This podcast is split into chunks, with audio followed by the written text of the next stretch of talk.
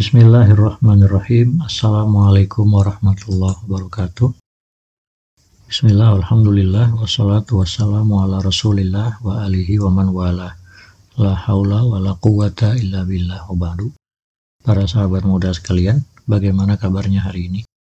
Mudah-mudahan senantiasa sehat, ceria, termotivasi, dan di bawah bimbingan Allah Subhanahu wa Ta'ala ya. Amin ya Rabbal 'Alamin.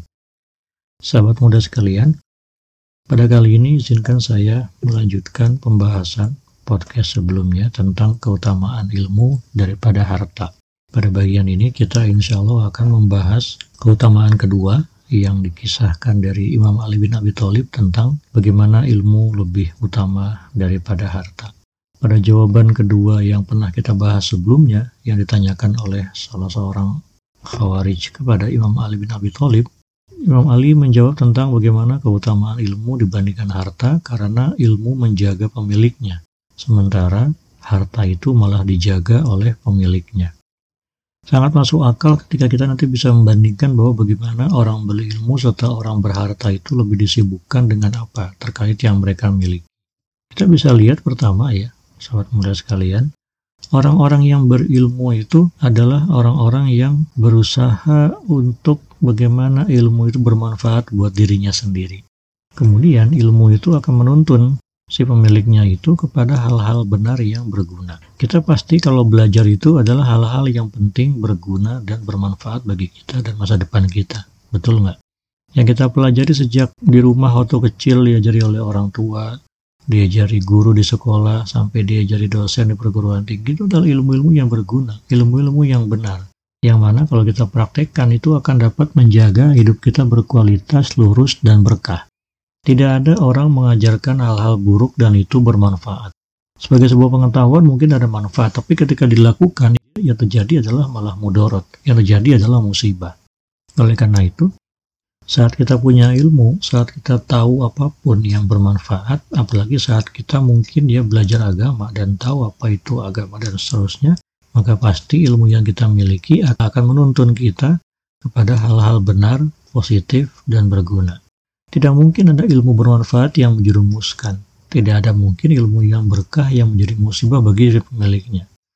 Maka ilmu yang baik, ilmu yang berguna, ilmu yang berkah itu pasti akan menjaga, melindungi pemiliknya dari aspek-aspek hidup yang mungkin berbahaya dan tidak bermanfaat buat diri dia. Paling tidak orang berilmu itu tahu bisa membedakan mana yang baik, mana yang buruk, mana yang mudorot. Orang-orang yang berilmu akan bisa membedakan mana yang lurus, mana yang keliru dan menyimpang, dan seterusnya. Oleh karena itu, orang-orang berilmu pasti dengan demikian akan menjaga diri dari hal-hal yang tidak baik dan tidak benar. Dia sudah tahu rambunya, dia sudah tahu arahnya, dia sudah tahu harus ke mana dan tidak boleh bagaimana. Dengan demikian, orang-orang berilmu itu berpotensi hidupnya tuh lurus dan bersih. Kenapa? Dia sudah punya arah yang jelas, dia sudah tahu jalannya, dia sudah mengerti petanya, dia sudah tahu hal-hal yang penting dan tidak penting, hal-hal yang baik dan buruk, dan hal-hal yang boleh dan mana yang tidak. Itu semacam bukti sederhana bagaimana ilmu itu dapat menjaga si pemiliknya. Oleh karena itu, kalau kita punya ilmu yang bermanfaat, maka insya Allah hidup kita akan menjadi semakin baik. Maka tidak ada ilmu bermanfaat yang dapat malah menjerumuskan pemiliknya kepada kehidupan yang buruk. Itulah kenapa kita penting untuk selalu belajar hal-hal yang baik supaya tadi manfaat ilmu harus kembali kepada diri kita sendiri. Lalu kita bandingkan sekarang orang-orang yang punya harta. Kita lihat bagaimana orang-orang punya harta itu selalu sibuk menjaga harta agar tidak berkurang dan tidak rusak. Saya teringat misalnya Agim itu pernah cerita kalau kita punya perabot di rumah yang semakin mahal, kita semakin stres menjaganya. Agim ngasih contoh waktu itu misalnya sofa kursi sofa kalau dia kursi sofa biasa ada anak kecil tamu bermain ke rumah kita ya kita nggak kepikiran macam-macam tapi ketika itu kita punya sofa mahal seharga belasan juta misalnya ada anak kecil anak tetangga main di sofa kita Wah kita stresnya luar biasa, takut kotor lah, takut kena ompol lah, takut rusak lah, takut robek segala macam. Itu berarti bahwa saat kita punya hal-hal yang sangat berharga, kita khawatir benda itu bisa rusak apalagi berkurang kualitasnya. Itulah kenapa misalnya orang-orang kaya selalu punya semacam proteksi buat harta-harta mereka yang dianggap paling istimewa. Kita bisa bilang dengan gejala asuransi. Bisa dibayangkan untuk melindungi harta sekian perlu sekian buat proteksi dan seterusnya. Itu bagaimana orang-orang yang punya banyak harta, apalagi hartanya yang sangat istimewa, sibuk sekali untuk menjaga hartanya supaya tadi tidak berkurang apalagi rusak. Dengan demikian, kalau kita semakin punya banyak harta, bayangkan akan semakin banyak juga proteksi yang harus kita keluarkan untuk melindungi harta itu. Itu adalah upaya kita untuk berusaha bagaimana menjaga itu harta tidak berkurang dan tidak rusak. Dan jika kita semakin banyak itu, bayangkan semakin pusingnya kita untuk bagaimana memproteksi.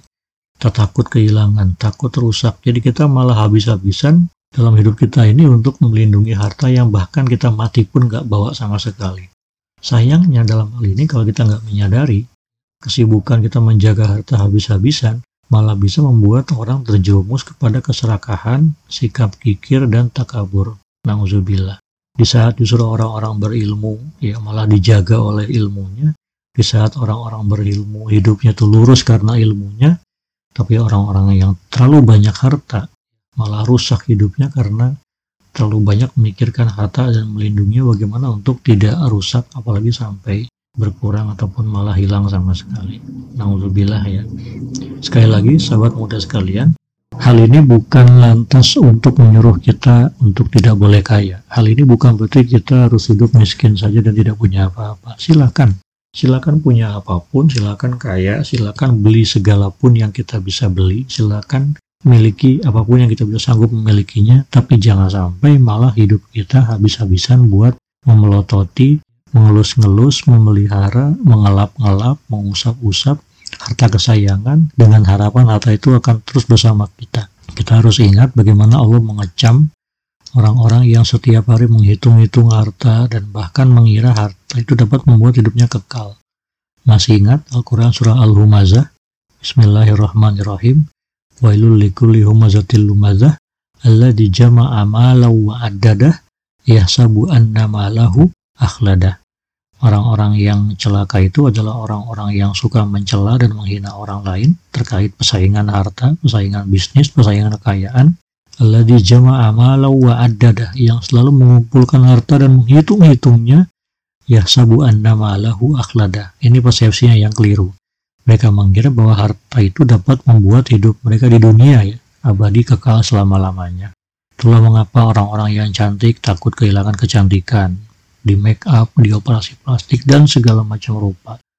Orang-orang yang tampan menjaga ketampanannya, pakai pakaian yang mahal supaya dibilang tampan dan segala macam.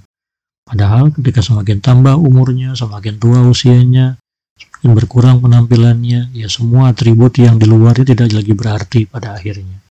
Jadi buat apa kita berbanyak-banyak harta kalau malah ujungnya kita malah sibuk menjaga harta dengan cara-cara yang bahkan sering aja tidak masuk akal. Maka lebih baik kita untuk menumpuk ilmu, memperbanyak ilmu supaya dengan begitu hidup kita semakin berkualitas dan berkah. Dan ilmu itulah yang nanti malah akan menjaga hidup kita, bukan malah kita yang menjaga ilmu itu.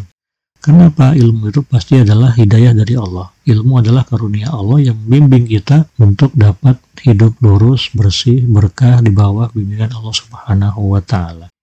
Inilah kenapa sahabat muda sekalian ya, Imam Ali menegaskan bahwa ilmu lebih berharga daripada harta karena soal tadi. Ilmu itu malah bisa menjaga si pemiliknya untuk dapat meningkatkan kualitas hidupnya Sementara harta malah habis-habisan dijaga oleh pemiliknya supaya tidak hilang, rusak, ataupun berkurang. Dan malah orang-orang yang berharta banyak cenderung hidupnya lebih banyak dihabiskan energi hanya buat mengumpulkan, melindungi, mengumpulkan, menambah, mengumpulkan, memproteksi, sampai kemudian ketika sudah terlalu banyak, dia bahkan mungkin bingung akan dikemanakan untuk apa harta sebanyak itu. Naudzubillah. Ya, jangan sampai kita punya harta malah jadi repot karena harta kita lebih baik punya banyak ilmu dan ilmu itu yang akan bermain untuk kita demi keselamatan kita di dunia maupun di akhirat. Mudah-mudahan ya sobat muda sekalian, podcast singkat dan sederhana ini dapat memberikan kita semacam wawasan dan kearifan untuk dapat betul-betul memusatkan perhatian hidup kita pada ilmu pengetahuan untuk dapat membuat hidup kita lebih baik, lebih berkualitas, lebih bermakna. bahwa kemudian kita perlu harta dan ingin punya harta itu mudah-mudahan cuma konsekuensi dari ilmu kita. Ya, jangan sampai kita mengejar harta tapi lupa ilmu. Mudah-mudahan dengan punya ilmu harta itu akan menjadi konsekuensi dan berkah dari ilmu yang kita miliki. Demikian mudah-mudahan podcast ini berguna memberikan arti bagi kita tentang kehidupan yang sangat bermakna dan penuh hikmah dari Allah Subhanahu wa taala. Terima kasih dan mohon maaf atas segala kekurangan dari podcast ini. Semoga kita selalu termotivasi untuk belajar menggali hikmah Allah dalam kehidupan sehari-hari. Amin ya rabbal alamin. Wassalamualaikum warahmatullahi wabarakatuh.